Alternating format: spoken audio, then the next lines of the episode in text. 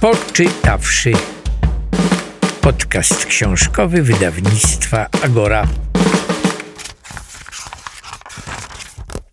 Dzień dobry, witam w Poczytawszy, podcaście książkowym wydawnictwa Agora. Przy mikrofonie Karolina Oponowicz, a ze mną dziś wyjątkowo nie w studio, ale w swoim mieszkaniu na Mokotowie. Łączymy się przez Skype'a Joanna Kubiakowska, jedna z współautorek książki, która właśnie ma swoją premierę. Robię sobie remont, podstawowe wykończenia i naprawy w domu. Dziewczyński poradnik. Witaj Asiu. Dzień dobry. Asiu, zapytam Cię jeszcze bardzo dokładnie o to, jak książka powstała, e, jak, kto jest jeszcze drugą współautorką obok Ciebie, właściwie to może już to powiem, że drugą współautorką jest e, Barbara Janisz, ale opowiemy sobie jeszcze o szczegółach i o tym, jak, jak doszło do tego, żeście się za to zabrały, ale najpierw pytanie bardzo ważne. E, ważne także w czasach koronawirusa, kiedy siedzimy w domu, odcięci od świata i zdajemy sobie sprawę z tego, że jak coś się zdarzy, to musimy sobie poradzić sami, a często same. Asia, co ja powinnam mieć w swojej skrzynce z narzędziami? Opowiadaj. Na razie mam parę śrubokrętów. Co jeszcze? Co powinnaś mieć w skrzynce z narzędziami? No to zależy, co chcesz e, zrobić, czego potrzebujesz, jakie masz ambicje remontowe. E, mogę Ci zaproponować, e, co mogłabyś sobie, powiedzmy, zorganizować w pierwszej kolejności. Bardzo Cię proszę. Taki, taki zestaw e, na wszelki wypadek. E, no myślę, że tak, komplet śrubokrętów na pewno, komplet kluczy, szczypce, mhm. kombinerki, obcęgi, poziomica, jeżeli lubisz wieszać sobie różne półeczki, majsterkować z drewnem, z jakimiś prostymi rzeczami do powieszenia na ścianie, na pewno się przyda, żeby to wszystko było prosto zawieszone. E, młotek. Taki mały wystarczy, czy powinnam też w jakiś taki solidniejszy się wyposażyć? No, ja osobiście mam dwa rozmiary. Mam malutki, który potrzebny jest do małych gwoździ i tam, gdzie rzeczywiście ważniejsza jest precyzja e, i do takiej drobnicy i mam duży młotek, który zapewnia mi to, że nie potrzebuję dużo siły, żeby ten e, gwóźdź wbić, tak? Bo młotek już załatwia sprawę swoim ciężarem. Także to nie jest droga sprawa. Proponowałabym dwa rozmiary. Jeżeli jeden, to wybierz średni. Dobrze. Złoty środek. Dobrze. E, I e, ostatnia rzecz, którą bym Ci zaproponowała, to jest miarka, która mhm. się bardzo często przydaje. Miarka taka też zbijana. E, można sobie też sprawić miarkę składaną, taką drewnianą, prawda? Mhm, taką e, troszkę oldschoolową, ale chyba najwygodniejszą, najbardziej stabilną. Tak. Dokładnie, także to jest taki podstawowy skład, który też proponujemy w poradniku. No i jeszcze dwie rzeczy, które się bardzo przydają. To już jest troszkę droższa sprawa, także można się złożyć ze swoimi przyjaciółkami, przyjaciółmi, można współdzielić e, z, e, z, jaką, z jakimś swoim środowiskiem, albo można sobie rzeczywiście kupić e, swoją własną wiertarkę i swoją własną wkrętarkę. I to są rzeczy, które się zawsze przydają, jeśli chcesz zawiesić coś na ścianie, tak? Bo musisz, żeby coś zawiesić solidnie. Jeżeli to nie jest drewno i po prostu wbity w deskę gwóźdź, to będziesz potrzebowała wywiercić dziury. Czyli ta wiertarka jest jeszcze ważniejsza, bo wkrętarkę można ewentualnie zastąpić śrubokrętem. Natomiast wiertarki niczym nie zastąpisz. Potrzebujesz tą dziurę wywiercić. Masz swoją wiertarkę? Niestety nie, pożyczam. Teraz mieszkam sama w małym mieszkaniu, więc też tutaj za bardzo nie remontuję. To mieszkanie jest też e, wyremontowane, ale wcześniej mieszkałam w bardzo dużej wspólnocie 40 osób z kilkoma rzemieślnikami, którzy ten cały sprzęt e, jeszcze dużo bardziej specjalistyczny sprzęt mieli w swoim pokoju, więc właściwie wszystko było na miejscu. Ojej, twoja remontowa historia to, to zasługuje na odrębną opowieść, czy do tego wrócimy. Ale też ta nasza rozmowa dzieje się w takim, a nie innym momencie. Ten koronawirus dominuje nasze dyskusje domowe, nasze myślenie też pewnie. I o dziwo, remont, temat remontu w czasie koronawirusa stał się bardzo głośny, bo po pierwsze okazało się, że w pierwszy wolny weekend, wolny, tutaj używam cudzysłowa, ponieważ to był taki kwarantannowo wolny, ludzie mhm. ruszyli tłumnie do sklepów budowlanych i postanowili zaopatrzyć się w różne przedmioty. Naprawdę to dla jednych było to całkiem naturalne, że tak nie można na pusto y, siedzieć w domu, a drudzy się oburzyli. No oczywiście takie względy epidemiologiczne, wiadomo, tłum ludzi w sklepach, ale z drugiej strony oburzyli się tym stukaniem, tym, że sobie nie można spokojnie posiedzieć, bo ktoś tutaj będzie pukał, remontował, dudnił, y, szlifował. Właściwie jednych i drugich rozumiem. E, natomiast zastanawiam się nad tym, co by można takiego zrobić w domu, co nie, nie byłoby tak kontrowersyjne i kłopotliwe dla sąsiadów, a jednocześnie nie wymagałoby specjalnych zakupów, przynajmniej takich zakupów, które by się wiązały z wyjściem, takich zakupów, y, bo przecież dużo tych rzeczy można kupić też online. Powiedz, co, co by ja bym mogła zrobić w domu takiego remontowego, e, gdybym sobie e, chciała jakoś e, uprzyjemnić ten homeschooling oraz home office? Co byś mi mhm. doradziła? Ciekawe pytanie, bo takie moje pierwsze skojarzenie jest takie, że jednak do każdej naprawy czy remontu potrzebujesz jakichś materiałów, tak? Mhm. Zakładając, że możesz je nabyć online, właściwie masz całe spektrum rzeczy, które możesz zrobić w domu. W zależności od tego, czego potrzebujesz. Hałaśliwe jest wiercenie, prawda? Wiercenie dziur, jak chcesz zawiesić półki, czy zawiesić obrazki. E, natomiast bardzo dużo rzeczy możesz zrobić tak, że sąsiedzi nawet się o tym nie dowiedzą. I są to rzeczy czasami już bardziej zaawansowane, jak na przykład naprawy ściany, pomalowanie o, ścian. Ściany to jest super sprawa. Słuchaj, ja mam po pierwsze różne plamy na ścianach, a po drugie mam też różne mniejsze i większe dziurki. Dziury, dziurki na tych ścianach. Od y, rowerów, sprzętów, hmm. które tam gdzieś się wokół tych ścian y, pojawiały. Co mam zrobić, powiedz? Czym to naprawić? Czym te, te dziury wypełnić? Hmm. Dawaj, radź mi dziewczyno. Dobrze. Słuchaj, więc przede wszystkim jak głębokie czy jak duże są dziury. Mogę Ci tutaj zapodać taką radę z naszego poradnika, mhm. E, gdzie piszemy o tym, że do pół centymetra możesz załatwić sprawę gładzią. Do pół Natomiast, centymetra głębokości. Tak, do pół centymetra głębokości. Mhm. Natomiast jeżeli dziury są głębsze, to są już naprawdę takie kratery, powiedzmy w jakimś starym budownictwie, w nieodremontowanym mieszkaniu, no to sięgnęłabym już po tynk. I po mhm. prostu tę ścianę najpierw zatynkowała. I tutaj w poradniku podajemy bardzo dokładną instrukcję, krok po kroku, jak taką ścianę po prostu na nowo wyszykować, jaka jest dokładnie kolejność. I pierwszym krokiem w ogóle będzie przygotowanie takiej naprawy, tak? Mhm. I tutaj w każdym rozdziale praktycznie czegokolwiek nie robisz, musisz zacząć od tego, żeby przygotować A, się jest coś takiego, zanim zaczniesz. Tak. A materiały, jest teoria, praktyka, materiały, zanim zaczniesz. Widzę to. O rany, jak to jest wszystko dokładnie. prosto rozrysowane. Podane, ta, dokładnie, na talerzu, więc najpierw musisz się przygotować logistycznie, mhm. musisz, musisz sobie zebrać materiały, które ci będą potrzebne, a po drugie przygotować pomieszczenie, tak, żeby nic nie pobrudzić, żeby nie narobić sobie więcej e, szkód i pracy niż pożytku tych e, samodzielnych napraw, e, więc tutaj dokładnie opisujemy, jak, jak masz się przygotować. I pierwszym krokiem, ja tylko w skrócie podam Ci kolejność. Mhm, dobra. Doczytasz sobie później, jak tak, to ma Tak, doczytam i dooglądam, bo tutaj widzę, że... Pierwszym krokiem będzie zatynkowanie, takie grube zatynkowanie i położenie gruntu pod następny krok, którym będzie położenie gładzi. Gładź to jest już taki bardziej subtelny materiał, który jest odpowiedzialny za ten nasz aksamitny wygląd ścian, mhm. prawda? Czyli coś, co jest, jest kiedyś... tak, coś gładkiego w odróżnieniu tak. od szorstkiego y, tynku. Tak, tak.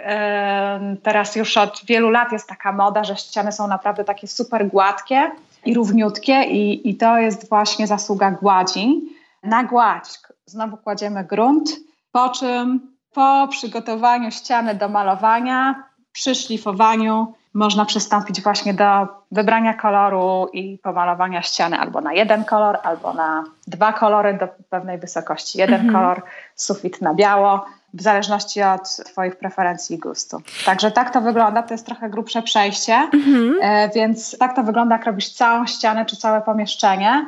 Natomiast oczywiście można naprawić ścianę miejscowo, czy dziurę miejscowo. No tak, i takich właśnie i dziurek mam najwięcej. No właśnie, no to jeżeli one nie są jakieś specjalnie głębokie, to możesz to zrobić gładzią, czyli zapełnić, najpierw rozrobić sobie trochę tej gładzi, położyć ją na ścianę za pomocą szpachelki na przykład, tak, mhm. wyrównać, wyszlifować i jeżeli ściana jest biała, to masz dużą szansę, że po przeciągnięciu tą samą białą farbą, pędzelkiem, punktowo czy wałkiem ta ściana będzie wyglądać jak nowa. Super. Natomiast jeżeli masz inny kolor, no to będzie ciężko się wstrzelić w kolor, prawda, więc też e, Hmm. Warto jest, jak sobie pomalujemy mieszkanie na powiedzmy e, jaskrawy fiolet, jednak zapamiętać dokładnie, jaka to jest marka, czy zrobić sobie teraz zdjęcie, jaka to jest dokładnie farba, żeby to później było do odtworzenia właśnie w takich wypadkach. E, jeśli chodzi o plamy, to tutaj już przechodzimy do różnych typów farb. Mhm. E, jest coś takiego jak farba lateksowa. Ją się często stosuje w pomieszczeniach, gdzie, które mogą się zachlapać, czyli, gdzie jest woda mhm, jak czyli kuchnia, kuchnia czy, łazienka. Czy łazienka, dokładnie. I z takiej farby spokojnie możesz plamę po prostu zmyć mokrą ściereczką czystą, tak? Okej. Okay. Inną farbą będzie troszeczkę trudniej, no i tutaj musimy kombinować. Tego raczej nie zmyjemy. No wodą. dobra, widziałam, że są takie magiczne gąbeczki, które tak jak gumki działają o. trochę, ale one też przy ciemnych kolorach różnie, różnie reagują. Tak. Znaczy właściwie ściana reaguje różnie na te gąbeczki. No dobrze, ale mam teraz trochę czasu, to mogę sobie pokombinować. Wiesz, zorientowałam się jeszcze, jak siedzę teraz więcej w domu i słońce świeci, że moja podłoga miejscami jest trochę poniszczona, ta moja drewniana, ten mój mhm. drewniany parkiet. Miałaby Miałabyś jakieś podpowiedzi, co tutaj robić w związku z tym? Jak tę podłogę mhm. zregenerować?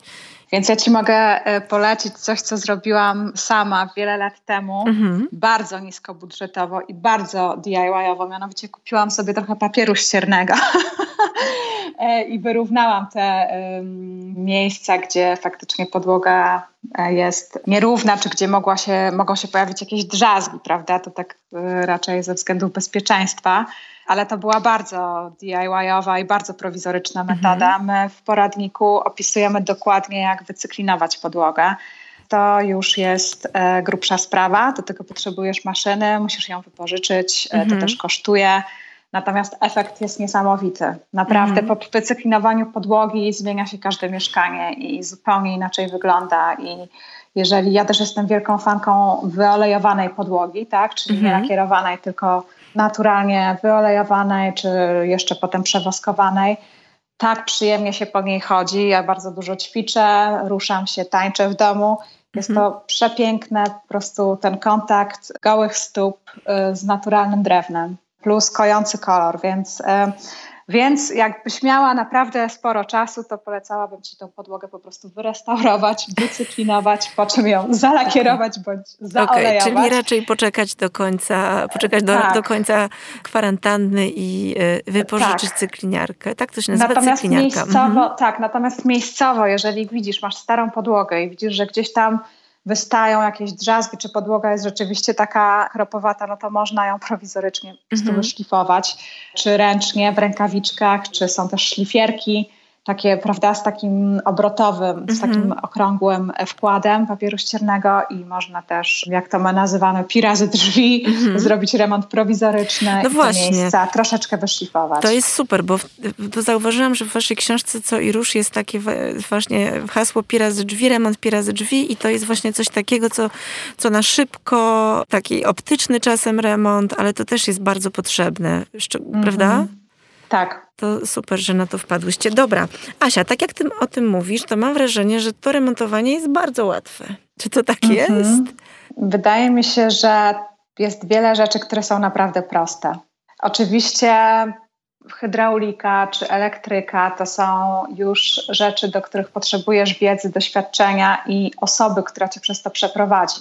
To nie są rzeczy, które po prostu przeczytasz sobie w poradniku i zrobisz sama w domu. Natomiast jest z takich właśnie prostych rzeczy, którymi możesz sobie poprawić jakość życia we własnym mieszkaniu.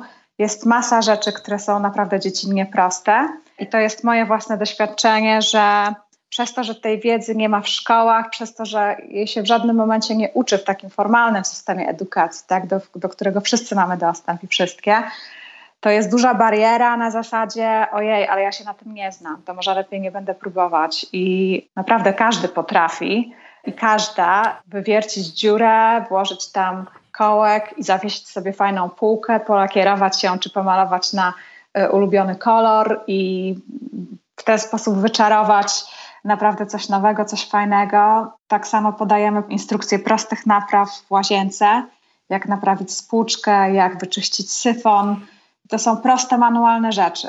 Naprawdę. Jeżeli to tak jakbyśmy dyskutowały o tym, czy każdy potrafi zmyć naczynia. Mhm. Każdy i każda potrafi w pewnym momencie po prostu te proste czynności wykonać. To są proste czynności manualne, tak. Mhm, które mhm. tak, jak się ma odrobinę instruktażu, takim instruktarzem wspaniałym, pięknym do tego, bo ta wasza książka jest cudownie ilustrowana właśnie Zrób sobie remont. Posłuchajmy kobiet, y, które już od dawna zajmują się majsterkowaniem i mają swoje własne domowe sposoby na remont. Poczytawszy podcast książkowy wydawnictwa Agora. Mój remontowy niezbędnik to przede wszystkim wałki do malowania większych powierzchni i pędzle do zadań specjalnych. Mam też różnego rodzaju klucze, śrubokręty i coś, co się bardzo przydaje w trakcie remontu. Czyli wiertarko wkrętarka. Przymierzam się także do zrobienia donicy ogrodowej, bardzo prostej, prostokątnej donicy.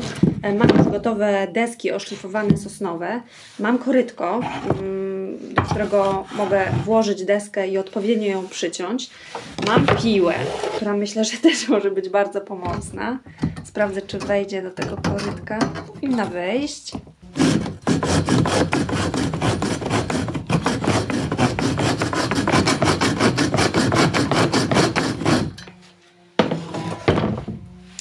Mam jeszcze koncepcji, jak wykonać taką, e, taką skrzynię. Nigdy wcześniej tego nie robiłam, ale znalazłam w internecie e, mnóstwo filmów instruktażowych, jak krok po kroku wykonać właśnie taką donicę.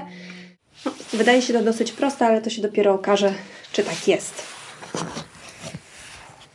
mnie narodził się jeden pomysł, aby z, odświeżyć pergolę, która podtrzymuje dwudziestoletnią różę. Pergola była malowana, bejcowana kiedyś, była koloru brązowego.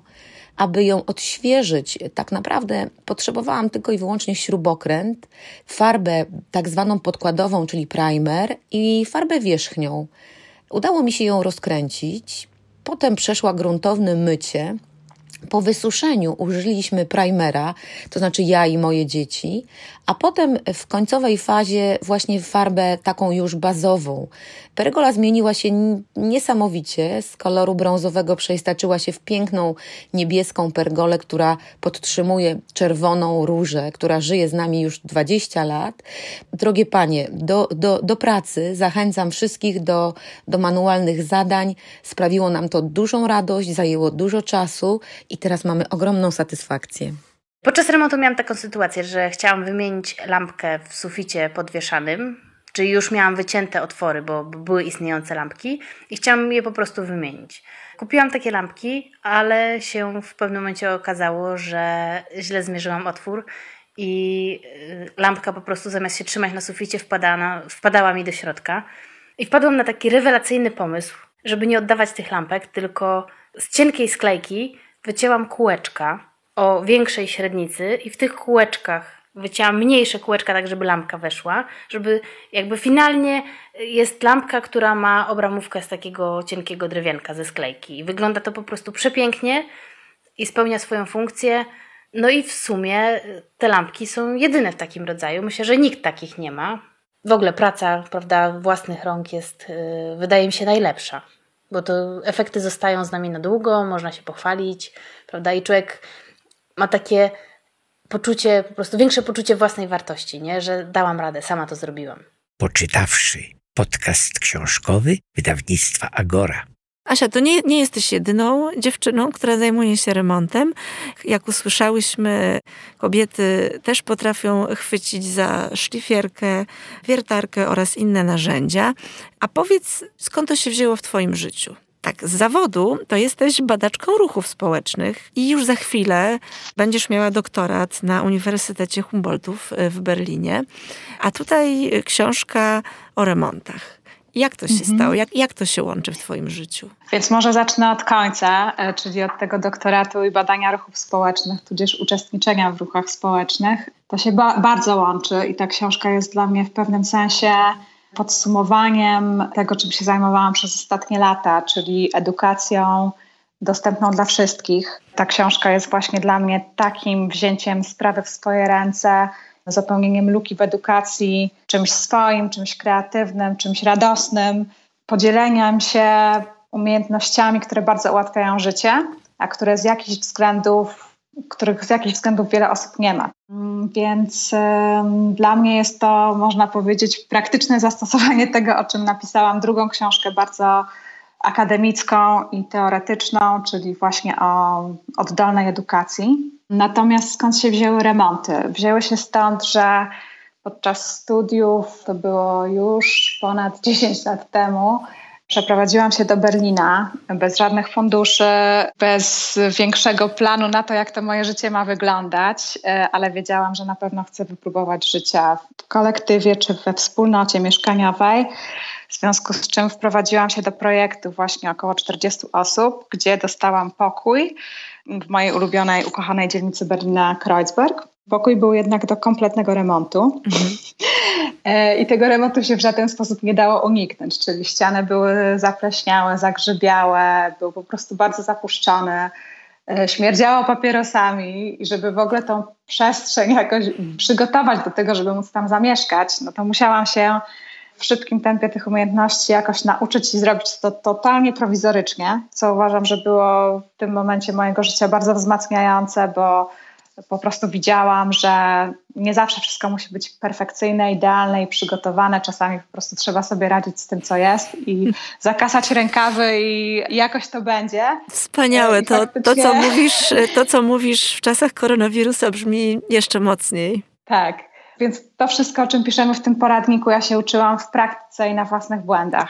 Stąd też tak dużo jest tutaj fajnych uwag na marginesach. Uwaga, pamiętaj, żeby zrobić mhm. to i tamto, przygotować Nie należy ścierać surowego drewna na mokro. Dokładnie. Plus mhm. e, ostrzegamy też przed rzeczami, które po prostu są związane z naszym bezpieczeństwem, tak? Szczególnie jeśli chodzi o elektrykę, mhm. e, ale też o właśnie przecyklinowaniu, o tym, żeby dwa razy sprawdzić, czy w posadce, w podłodze nie ma gwoździ metalowych, tak? Ponieważ to jest po prostu niebezpieczne, to się może e, zapalić. W środku mamy trociny, mamy wióry, prawda, w środku maszyny i w momencie, kiedy najedziemy na gwóźdź, to się może po prostu dla nas i dla naszych współlokatorek i współlokatorów bardzo źle skończyć. Ale to ci się nie zdarzyło? To mi się nie zdarzyło, bo jak Ci opowiadałam, ja szlifowałam tą podłogę bardzo e, prowizorycznie, bo nie miałam po prostu funduszy na to, żeby wypożyczyć cykliniarkę.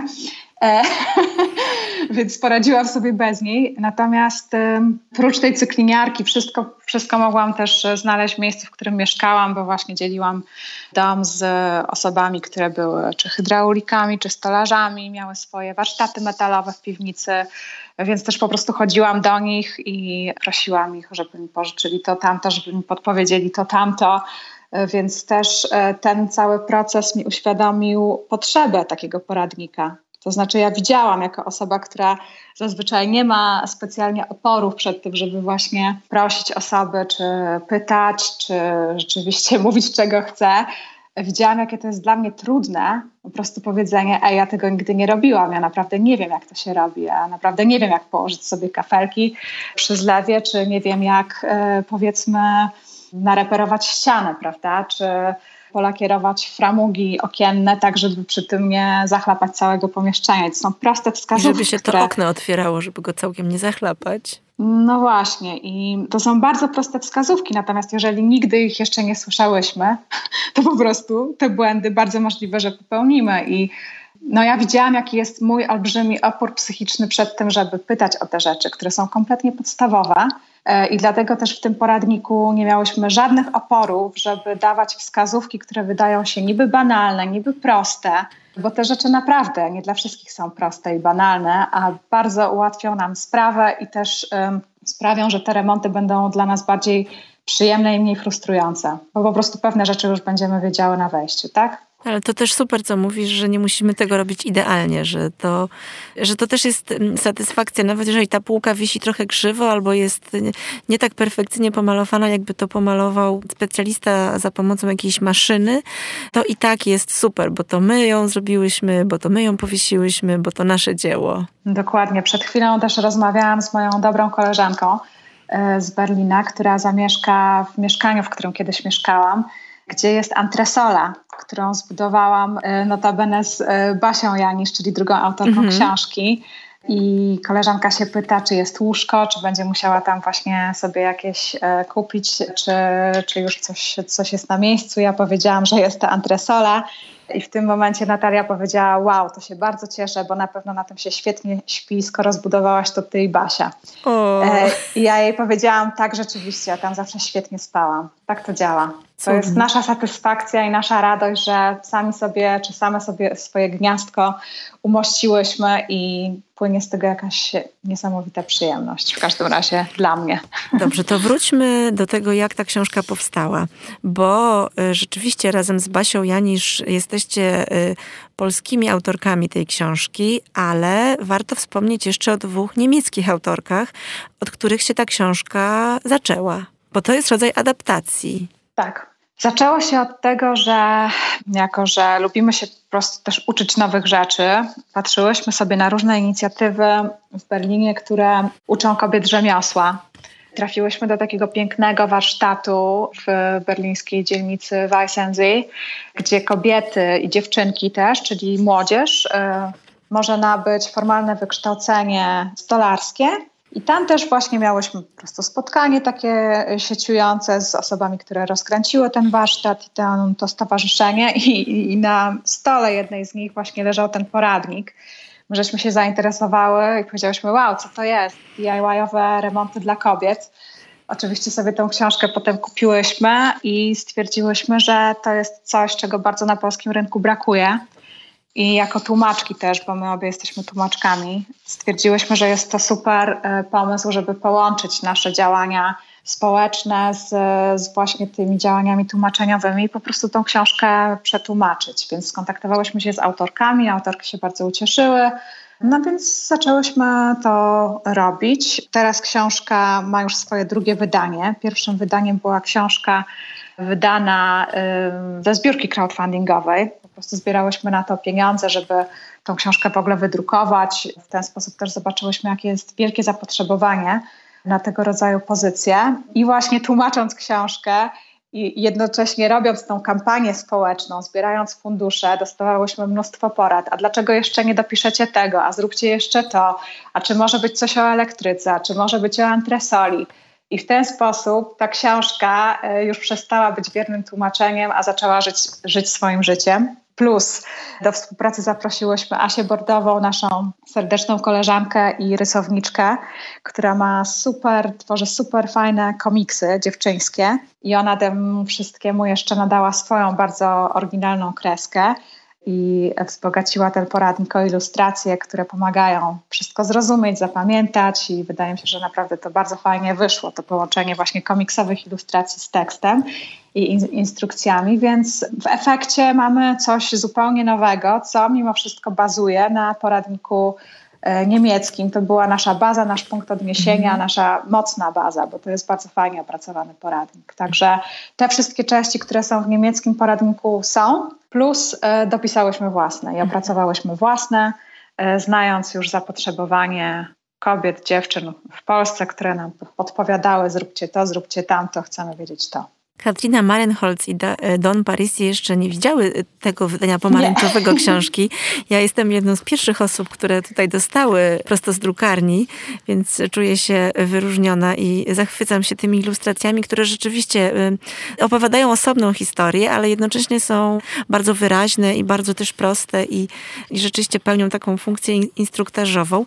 Asia, często używasz tego słowa DIY. Możemy naszym słuchaczom, którzy być może nie wiedzą, co się za tym skrótem kryje, rozwinąć i opowiedzieć? Więc DIY to jest skrót um, od do it yourself, czyli zrób to sam, zrób to sama. Jest to pomysł, który ja osobiście kojarzę ze sceną czy punkową, czy właśnie ruchów, oddolnych ruchów społecznych, czy też ruchów bliskich ideom anarchistycznym, które wychodzą z założenia, że nasza czyli ludzka siła i potencjał tkwią w samoorganizacji, w komunikacji, w solidarności, w tym, żeby nie polegać cały czas na władzy, czy na tym, że ktoś coś za nas wykona, zrobi, czy na przykład na szkołach publicznych, że czegoś nauczą, tylko po prostu bierzmy sprawy w swoje ręce, bo raz, że nas to bardzo wzmacnia, jeżeli nabieramy różnych mhm. umiejętności,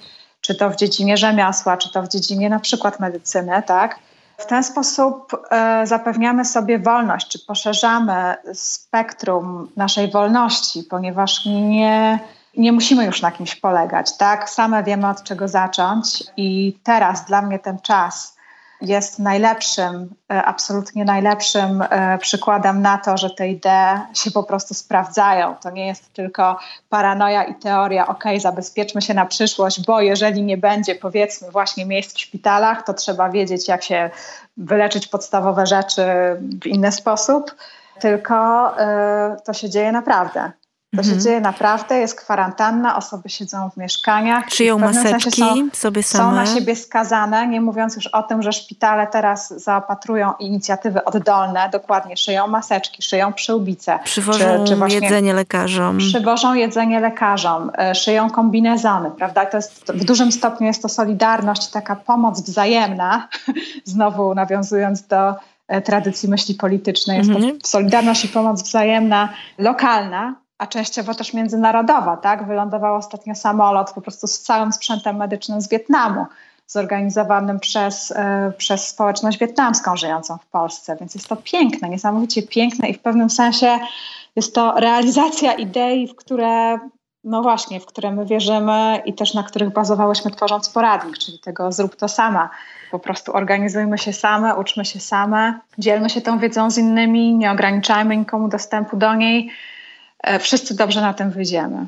Asia, powiedz, jak porównujesz polskie dziewczyny do niemieckich dziewczyn, to czy one daleko e, są przed nami, jeśli chodzi o taką właśnie organizację remontową, ale też umiejętności, które do tej pory były tradycyjnie uważane za męskie?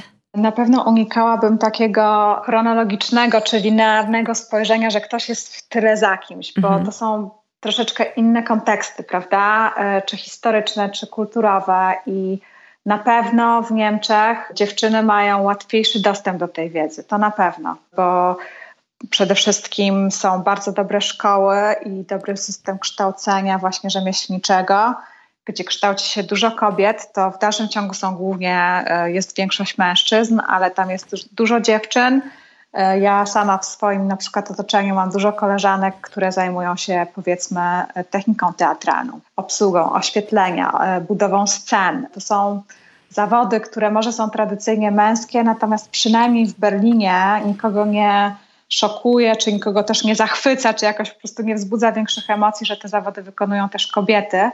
Wydaje mi się, że tutaj w Polsce jest e, trochę trudniej ze względu na szkoły zawodowe, tak? Też ze względu na to, że pójście do szkoły zawodowej jednak kojarzy się z, przez wiele lat było uważane za coś gorszego niż pójście na studia ogólnohumanistyczne na przykład, prawda?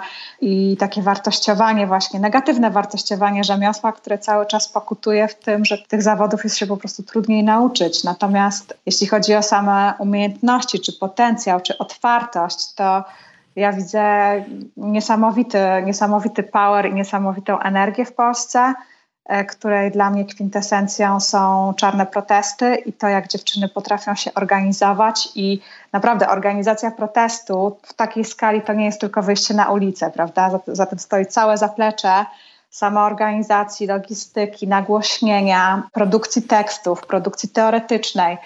I to robią kobiety. To jest coś niesamowitego. To jest jak dla mnie najsilniejszy ruch społeczny w Polsce w tym momencie, ruch kobiet. A mówisz to jako badaczka ruchów społecznych. Tak. Czyli te dziewczyny, które potrafią robić tak niesamowite rzeczy, tak niesamowite akcje, e, z pewnością są w stanie naprawić spłuczkę, przykleić tapetę albo e, zmontować sobie jakiś mały stolik, bo to wystarczy po prostu spróbować. Oczywiście. A powiedz, czy ty się zaplan- czy zaplanowałaś sobie na ten czas, kiedy nie pracujesz zawodowo, jakieś małe domowe, remontowe aktywności? Więc nie, niestety nie. Tak jak wspominałam, moje mieszkanie jest y, wyremontowane, także cieszę się bardzo z tego, że nie muszę teraz robić żadnych remontów, ale y, taką dziedziną, w której bardzo bym się chciała rozwinąć, a nie mam o niej jeszcze bladego pojęcia, jest ogrodnictwo i też podstawowa wiedza, co sobie zasadzić na balkonie, i jak to zrobić, i jaka ziemia, i jakie roślinki, i jakie zioła. E, oczywiście fajnie byłoby mieć coś, co można zjeść. Później to musi być olbrzymia satysfakcja. Jest to zupełnie nowy dla mnie teren i bardzo się cieszę na odkrywanie go już niedługo, więc zapisuję się na różne webinary i też różne kursy online, które teraz pączkują w internecie. I myślę, że w pewnym momencie po prostu zacznę sobie rozkręcać tutaj mini ogródek na balkonie. Ale skrzynkę taką na kwiatki będziesz w stanie sobie zrobić sama, bo zdaje się, że również stolarstwo to jest twoja pasja. Tak, to znaczy ja nigdy tej pasji nie rozwinęłam. Ja się w pewnym momencie zastanawiałam, czy po prostu zrobić wykształcenie stolarskie. W końcu się zdecydowałam na inne, więc nie rozwinęłam tych umiejętności. Natomiast podstawowe, podstawową otwartość i wiedzę, jak to zrobić mam, więc e, jakbym miała jakieś materiały, to na pewno bym sobie z nich coś zmajstrowała. E, robiąc jakieś stopnie, powiedzmy na balkonie, na których można postawić różne doniczki, dokształcając się, jakiego oświetlenia potrzebują, jakie roślinki. Prawdopodobnie na ten temat jest masa materiałów też w internecie bezpłatnych. Natomiast, no tak, e, zrobienie, zmajstrowanie czegoś ze skrzynek drewnianych to są, to jest czysta przyjemność i, i do tego nie potrzebujemy żadnego wiercenia i żadnego, żadnej wyższej szkoły jazdy. Prawdopodobnie młotek, gwoździe, może trochę papieru ściernego do wyszlifowania, żebyśmy się właśnie, żeby, żebyśmy sobie drzask nie wbijały, e, pracując z tymi skrzynkami później e, i, i tyle. Asia, czuję się zainspirowana bardzo przez ciebie, e, przez ciebie i przez Basię, przez waszą książkę i przez twoją opowieść. Bardzo ci dziękuję za to skype'owe spotkanie. Mam nadzieję, że jak najwięcej kobiet, dziewczyn, ale też mężczyzn sięgnie po tę książkę, bo ona jest też przecież dla mężczyzn, starszych ludzi, dla wszystkich. Dziękuję. Do usłyszenia. Do usłyszenia. Dziękuję Państwu. Karolina Oponowicz. Poczytawszy. Podcast książkowy wydawnictwa Agora.